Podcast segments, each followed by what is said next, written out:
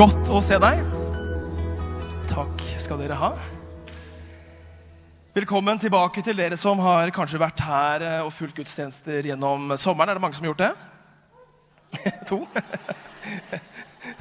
det har vært mange her, i hvert fall, så det er, i hvert fall noen som ikke vil vedkjenne seg det her og nå. Og velkommen tilbake til du som har vært på en lang og velfortjent ferie. Og særlig, og du har altså allerede blitt ønsket velkommen, til deg som er ny i byen. Det er det som er så gøy å, å, å, bo i Oslo, fordi vi får så mange fantastiske nyinnflyttere hver eneste høst. Så du er hjertelig velkommen. Håper du føler deg hjertelig velkommen og inkludert her. Både i byen og i denne kirken. Jeg eh, har valgt temaet mysteriet Jesus for eh, denne talen. Og jeg vet ikke om du noen gang har fått et spørsmål som er så opplagt at du nesten blir flau over at ikke du kom på det spørsmålet først. Noen ganger så er det sånn at de mest opplagte spørsmålene er de aller viktigste spørsmålene. Og jeg og kona mi Mariann vi fikk et sånt spørsmål for en stund siden vi var i samtale med en som stilte oss et, spørsmål. Og hun sa er dere nysgjerrige på hverandre. For de som ikke kjenner oss, så har altså vi, vært, vi har vært sammen i 19 år og gift i 15. Så jeg tror vi kan si at vi kjenner hverandre ganske godt. Og at vi kjenner hverandres gode og veldig få dårlige sider. Hvorfor ler dere? Men nysgjerrige jeg er ikke sikker på om det er et dekkende ord. Og Så ba jeg det spørsmålet med meg ut. Og så tenkte jeg at den Mariann som jeg trodde jeg kjente kanskje ikke er den Mariann som jeg burde bli kjent med. For bakgrunnen for alle mine forutinntattheter og erfaringer og oppfatninger, og til og med fordommer, så kanskje befinner det seg en Mariann som jeg ennå ikke har oppdaget, og det etter 19 år. Og dersom vi da overfører dette spørsmålet til det kristne livet, så er mitt spørsmål til deg i dag Er du nysgjerrig på Jesus? Og du som er her inne, har kanskje vært kristen lenge, noen en god stund, eller noen kanskje hele livet. Men det er sånn altså at de relasjonene vi kanskje har hatt aller lengst, de menneskene vi har kjent aller lengst, er ofte de personene vi også er minst nysgjerrig på. Så la meg spørre deg spørsmålet igjen. Er du nysgjerrig på Jesus? Kanskje er det sånn, både med Jesus og med mennesker som du har i din umiddelbare nærhet, at det er mer med dem enn det som møter øyet. At det er mer med Jesus enn det du har erfart så langt. Og det er en reise jeg har lyst til å invitere deg med på i kveld. Jeg husker den befriende følelsen det var å gå ut av skolegården på Rødtvet skole i 1996, en varm vårdag, etter å ha fått vitnemålet som dere ser her på bildet. Og jeg husker at det var en sånn frihetsfølelse at endelig er jeg fri. Og det var ikke fordi at jeg hadde det fælt på skolen, eller for at jeg ikke likte klassen min. Men jeg følte at jeg måtte leve opp til det bildet som mine klassekamerater hadde skapt av meg. Jeg har altså gått i samme klasse i ni år. Jeg begynte i første klasse da var jeg sju. Ja, det er opplagt selvfølgelig, jeg var sju. Jeg begynte i første klasse den gangen, for jeg er så gammel at man var sju år den gangen. I 1987. Og i løpet av ni år så hadde jeg gått sammen med den samme klassen. Og i løpet av disse ni årene så hadde det altså skjedd mye. Jeg hadde blitt mer moden. Jeg hadde blitt mer frimodig, jeg hadde blitt mer trygg på meg selv. Men likevel så følte jeg at ikke klassevennene mine så det. At jeg for dem fortsatt var snille, lille David. Han som ikke sa så mye, han som alltid ble valgt sist til fotballaget i gymtimen. Og han som var likt av alle, men egentlig hadde ikke så veldig mange nære venner. Og så følte jeg at den rollen jeg hadde blitt tildelt, den måtte jeg spille ut helt til siste slutt. Ja, jeg måtte gå faktisk ut av skolen før jeg kunne si endelig. Så kan jeg kanskje bevise at jeg er mer. Så jeg gikk ut av skoleporten i 1996 og så foran meg tre år på videregående på kristelig gymnasium. Mange som har gått på kristelig gymnasium her? Ganske mange av dere. Endelig så kunne jeg møte nye mennesker, endelig så kunne jeg få nye venner, og endelig så kunne jeg få vise nye sider av meg selv til mennesker som ikke kjente min historie så godt. Og så hører det med til historien at når jeg på reunion senere, eller var på reunion senere, så fikk jeg tildelt den uoffisielle prisen av å være han som hadde hatt den mest positive utviklingen siden sist.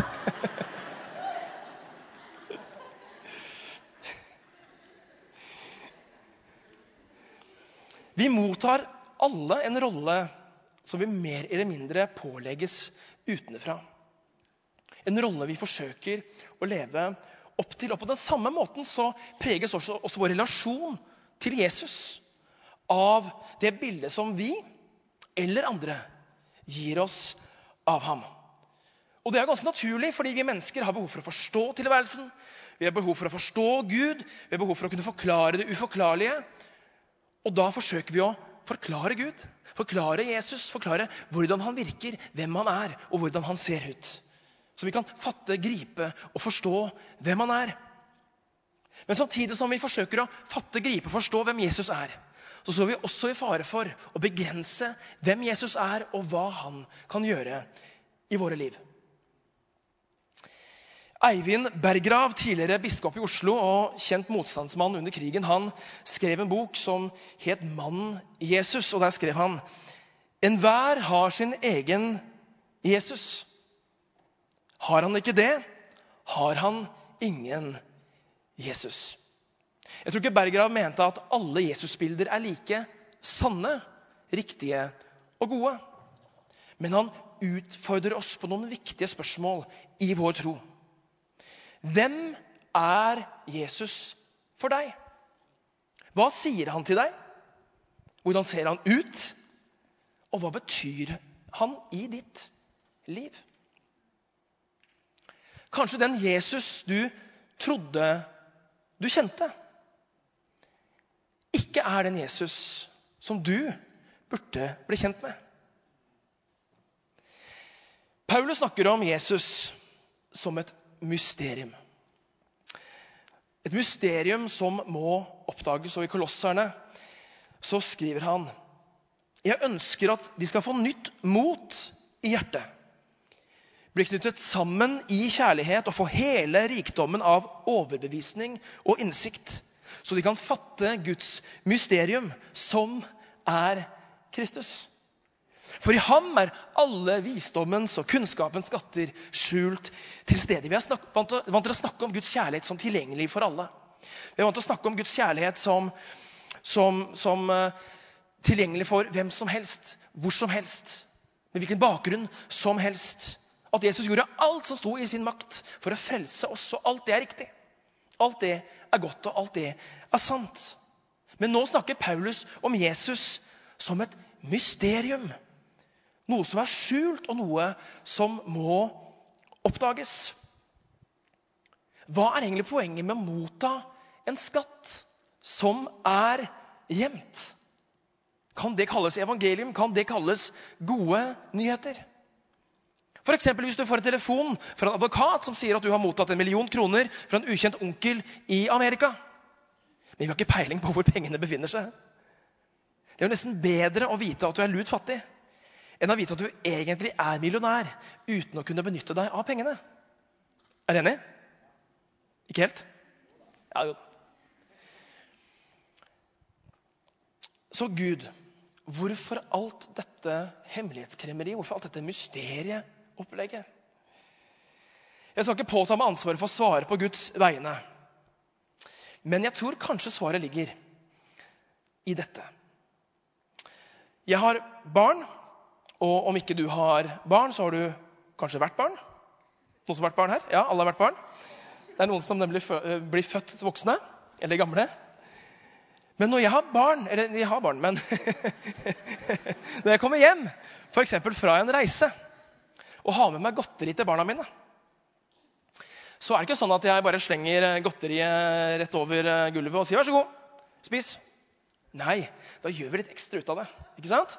Så for eksempel, så har jeg med alltid noe billig. da, vet du. Altså, det er jo om å gjøre liksom å ikke bruke for mye penger. fordi at uh, Gjør du liksom litt sånn happening ut av det, så kommer du unna med ganske rimelig gave.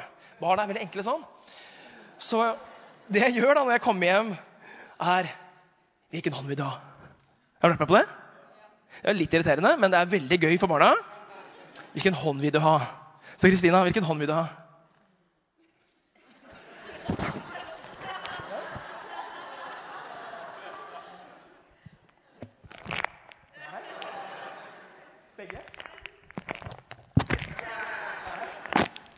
Du skal få en mellombar.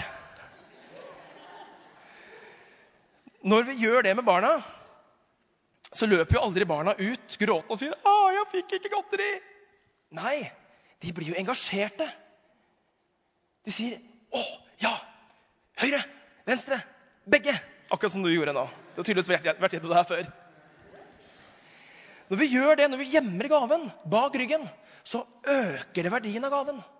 Det øker spenningen. Det øker spenningen for hva er det det kan være. Og sånn tenker jeg noen ganger det kan være med Gud også.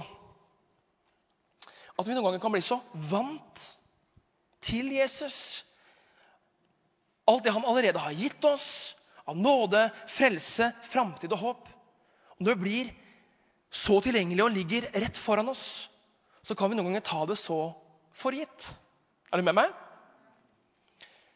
Vi tar det så for gitt at vi glemmer storheten, verdien og de enorme konsekvensene hans kjærlighet har for oss og våre liv. Kristus er ikke en hemmelighet fordi Gud ønsker å holde det skjult for oss. Men Kristus er en hemmelighet fordi hans kjærlighet nesten er for god til å være sann. Og da kan vi synge som Bjørn Eidsvåg. Jeg tenker på mysteriet deg og hun At du elsker meg. Jeg tenker på mysteriet deg. At du elsker meg. Jeg er fortapt i deg, men likevel helt frelst. Hva du vil av meg, når som helst. Klarer ikke å styre Nei, det stopper der.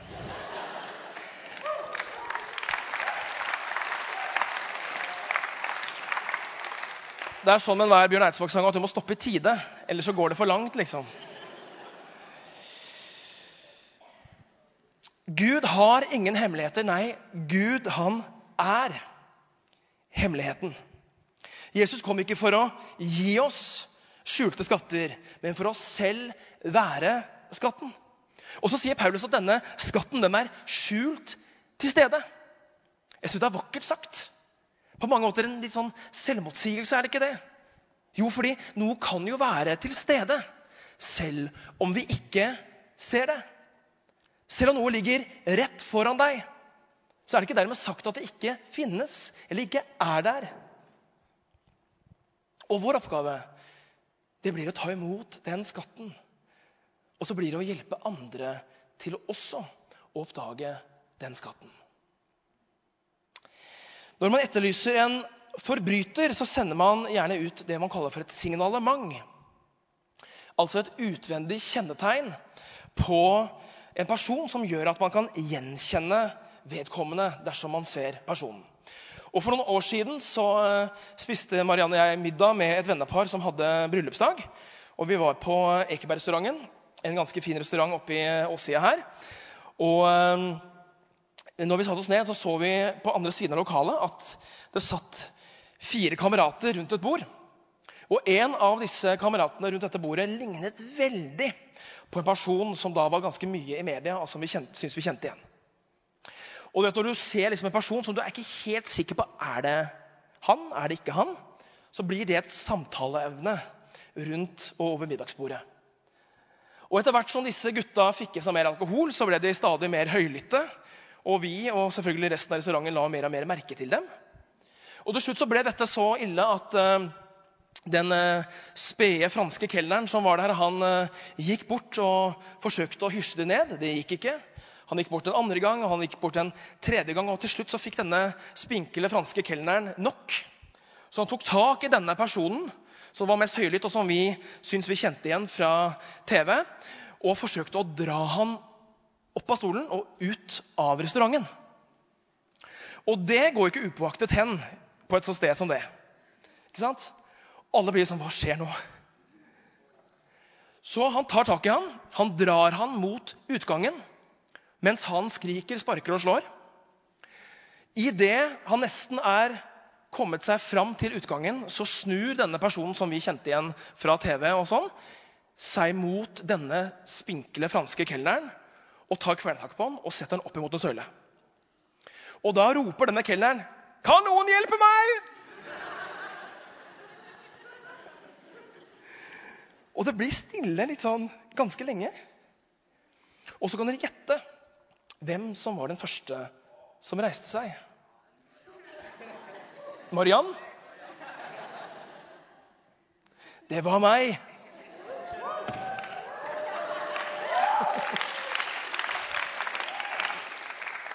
Vet du følelsen når du bare tar tak, og tre andre i denne spisesalen reiser seg samtidig og går etter deg, og du bare går foran? Det er derfor jeg har bart, forresten, for jeg er litt sånn mafiatype. For det som lurte på det. Så vi får tak i den og, og får han ut. Og får han eh, inn i en politibil, som da akkurat kom, og kjørte han vekk. Sikkert i fyllearresten eller annet sånt. Det viste seg å ikke være da den personen som vi trodde det var. det var jo bare en nordlending som var på Oslo-besøk. Unnskyld til dere som er fra Nord-Norge. det var ikke noe vondt ment i det, egentlig. Men i Lukas kapittel 2, det som vi ofte kaller for juleevangeliet, så sendes det også ut et signalement. Og eh, Der står det fra vers 8 Det var noen gjetere der i nærheten. Jeg tror, jeg tror faktisk vi må ha litt julemusikk. Skal vi ikke ha det? Markus, kan ikke du spille litt julemusikk på piano mens vi leser dette? Nå er vi jo i, i august her, liksom, og det nærmer seg jul. Lakker og lir. Og vi må ha litt julemusikk mens vi leser dette. Så vi kommer skikkelig inn i stemningen her.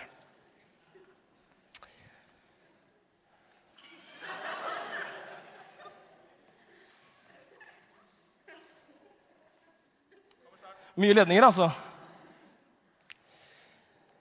Vi leser.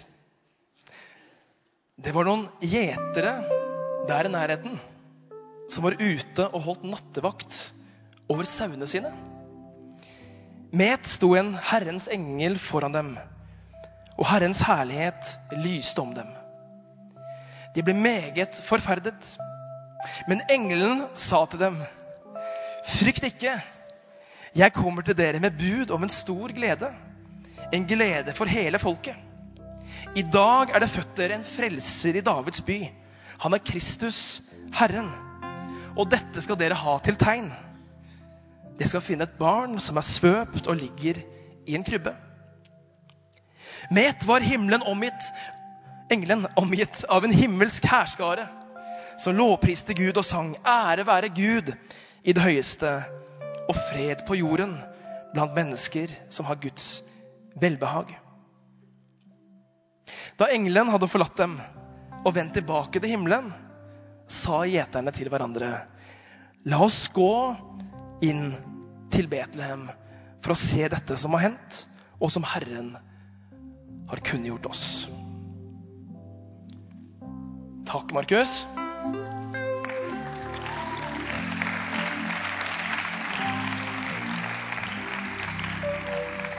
Jeg vet ikke om dere fikk med dere det jeg leste, eller om dere var mest opptatt av Markus. Men dere har sikkert hørt historien før, i hvert fall. Og det står altså 'la oss gå for å se'. Gjeterne de la ut på en skattejakt. Men gjeterne de måtte altså gå for å se. Og så står det i vers 16 de skyndte seg av sted, og de fant Maria og Josef og det lille barnet som lå i krybben. Skattejakten ga altså resultater. De fant skatten de lette etter. Så hvordan visste hyrdene at de hadde kommet rett? Jo, de hadde fått et signalement. De hadde fått en beskrivelse av den de skulle finne. Og det var at de skulle finne et barn. Og barn kunne det jo være mange av. ikke sant? Det kunne potensielt være flere barn i dette området. Men de visste at det var barn og ikke en voksen, så det gjorde jo letinga litt enklere. Og så var det et barn som var svøpt. Det sier noe om at barnet var ganske nyfødt. Så det gjorde jo søket enda enklere. Men det var ikke bare et barn som var svøpt, men det var et barn som lå i en krybbe. Ja, det var jo ganske spesielt. For antagelig så var det det eneste barnet der i nærheten som var lagt i en krybbe. De gikk for å se, og de fant. Men hvis Kristus er lett å finne, hvorfor finner ikke alle fram til ham? Kanskje de har fått et feil signalement. Kanskje de har fått beskrivelsen av en Jesus som ikke stemmer med originalen. Kanskje de har fått et feil bilde av ham gjennom det de har hørt, eller hvordan andre har representert ham. Eller kanskje de rett og slett ikke føler seg gode nok for hans kjærlighet. Antagelig så finnes det like mange versjoner av Jesus som det finnes folk. Men Jesus han kalte ikke fans. Nei, Jesus kalte etterfølgere. Og gjennom vår etterfølgelse så blir vi mer og mer lik ham vi følger. Så å følge Jesus handler ikke om at han skal bli mer lik oss. Nei, å følge Jesus handler om at vi blir stadig mer lik ham. Også når Jesus gikk på jorda, så ble han misforstått av mange. For han passet ikke alltid til beskrivelsen. Han levde ikke alltid opp til de forventningene som andre mennesker og omgivelsene satt til ham. Noen av disiplene hans trodde at Jesus var den som skulle komme og redde israelittene med våpenmakt og politisk innflytelse. De jødiske lederne og lærde de, de gikk imot Jesus fordi han ikke fulgte de forskriftene som de mente at Jesus burde følge. Han passet ikke inn i malen. Og selv da han sto opp igjen og viste seg for disiplene, så trodde de ikke at det var ham.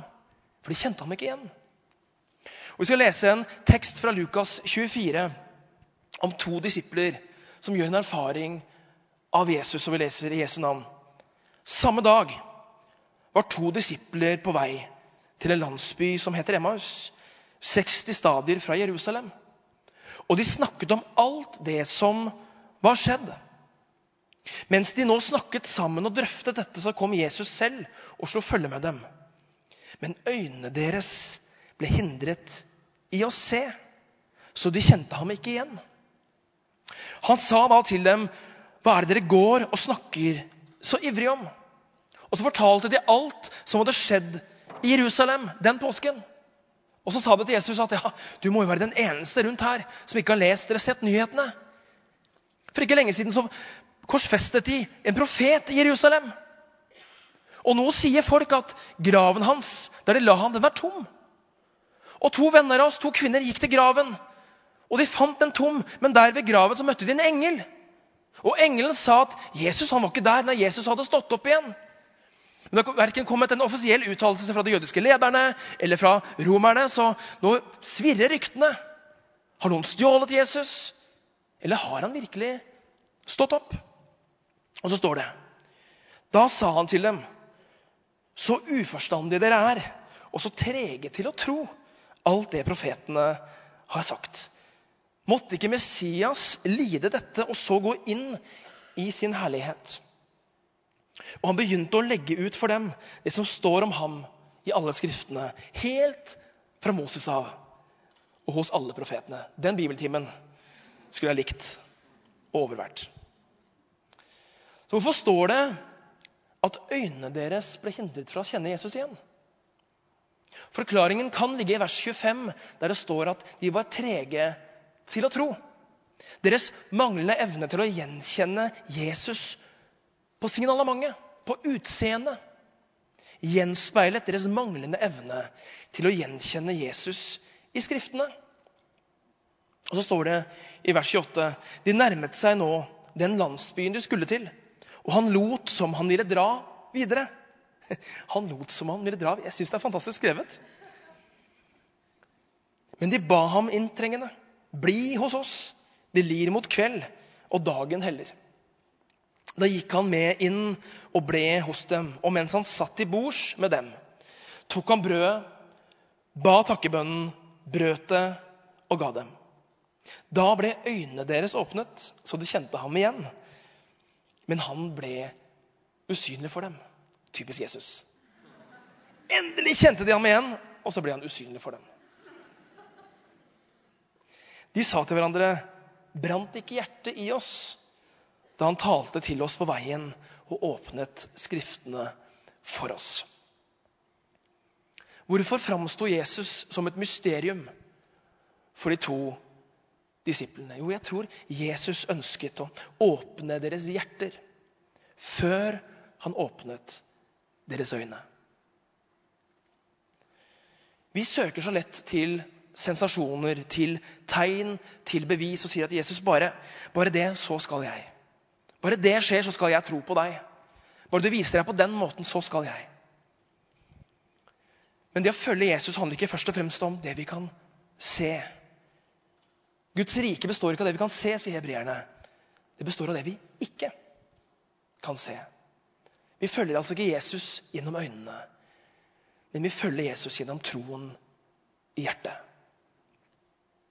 Og min bønn er Gud, må du åpne mitt hjertes øyne, så jeg ser hvem du virkelig er.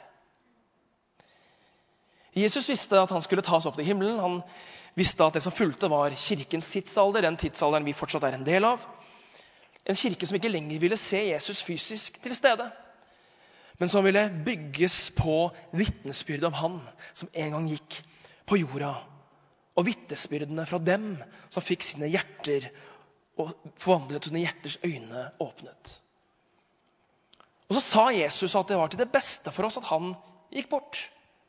Og at han isteden skulle sende Den hellige ånd. For Den hellige ånd er jo Gud overalt, alle stedsnærværende, på alle steder, til alle tider, for alle mennesker. Mens Jesus var et menneske og fysisk begrenset til å være et sted om gangen. Så hvis Jesus fortsatt var på jorda, så måtte vi reise kanskje halve jorda rundt for å dra til den konferansen der Jesus var hovedtaler den sommeren. Og kanskje stå i en lang forbønnskø for at Jesus kunne legge hendene sine på oss. Heldigvis er det ikke sånn. Heldigvis er det sånn at Den hellige ånd er mye bedre.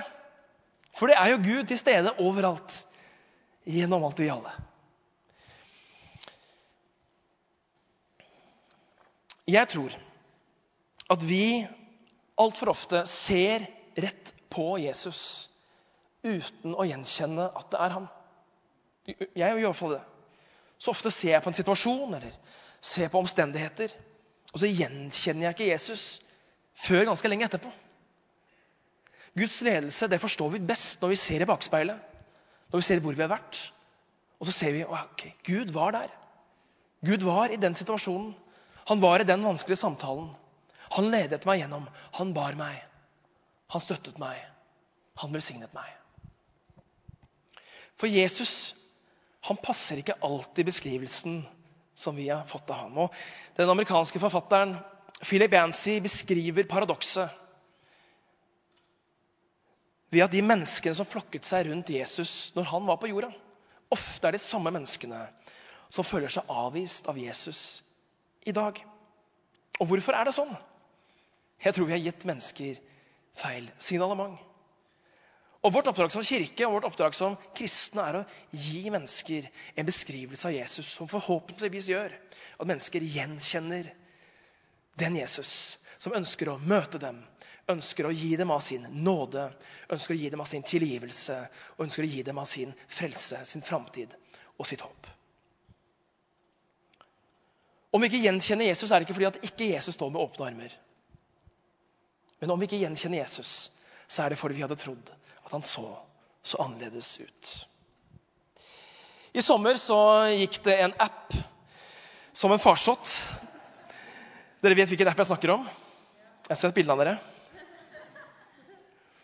Og jeg lastet jo opp bildene av uh, hele familien og alle jeg kjente, helt til jeg forsto at jeg lastet opp bildene til uh, russisk etterretning. Og... Men det er jo gøy, da. Å se seg selv 20-30 år fram i tid. Og det vi forsto da når vi forsto at dette var kanskje noe muffens, og at Putin uh, skjuler seg bakgrunnen her, det er jo at ansiktsdata altså biometrisk informasjon, det er jo like personlig privat som f.eks. et fingeravtrykk. Eller som DNA, blodprøve, personnummer. Ansiktet er noe av det mest verdifulle og noe av det mest personlige vi har. Det å vise ansikt er det mest private og personlige vi kan gjøre. Derfor har vi uttrykk som når vi dummer oss skikkelig ut, så sier vi at vi taper ansikt. Når vi skammer oss, sier vi at vi skjuler ansikt. Når vi er uærlige, så sier vi at vi har to ansikt. Eller når vårt bedrag blir avslørt, så sier vi at vi viser vårt sanne ansikt. Og I en historisk og en bibelsk kontekst så er det å se noen i ansiktet et uttrykk for nåde. I gamle dager så hendte det at kongen løftet ansiktet mot dødsdømte fanger som han ønsket å benåde. Men hvis han opprettholdt dommen, så lot han ansiktet være ned. For hvem kan vel se rett inn i ansiktet på den personen du i neste øyeblikk kommer til å henrette? Og I Det gamle testamentet så var det sånn at det står at ingen kan se Gud og leve. Men i krybben i Betlehem, som vi akkurat leste om, så så mennesket for aller første gang Gud rett i ansiktet. De hyrdene som fikk bud fra englene om dette barnet som var svøpt og lå i en krybbe. De gikk, og de fant. Og det de fant, var verdens frelser. Ligge under de mest enkle kår. Og så kikka de over kanten på krybben. Og der så de Guds ansikt for første gang i historien. Mest sannsynlig i form av et sovende lite barn. Derfor sier den aronittiske velsignelsen at Gud han løfter sitt ansikt på oss og gir oss av sin fred. Den som slår ansiktet ned, vitner om dom. Den som vender ansiktet bort, vitner om vrede. Men den som løfter ansiktet opp, vitner om nåde. Gud har et ansikt, og du og jeg kan se rett inn i det. Jeg skal avslutte med dette. Det sies at det hang, og kanskje fortsatt henger, et bilde av Jesus i spisesalen hos nonnene i Missionaries of Charity i Calcutta, India denne organisasjonen som moder Teresa grunnla. Og Moder Teresa fikk en gang et spørsmål om hva som år etter år etter år drev henne til å gå ut i Calcuttas gater og gi de fattige mat og drikke, helsehjelp. Og så svarte hun hver morgen beundrer vi Jesu ansikt. Og så går vi ut og gir ham å drikke og spise.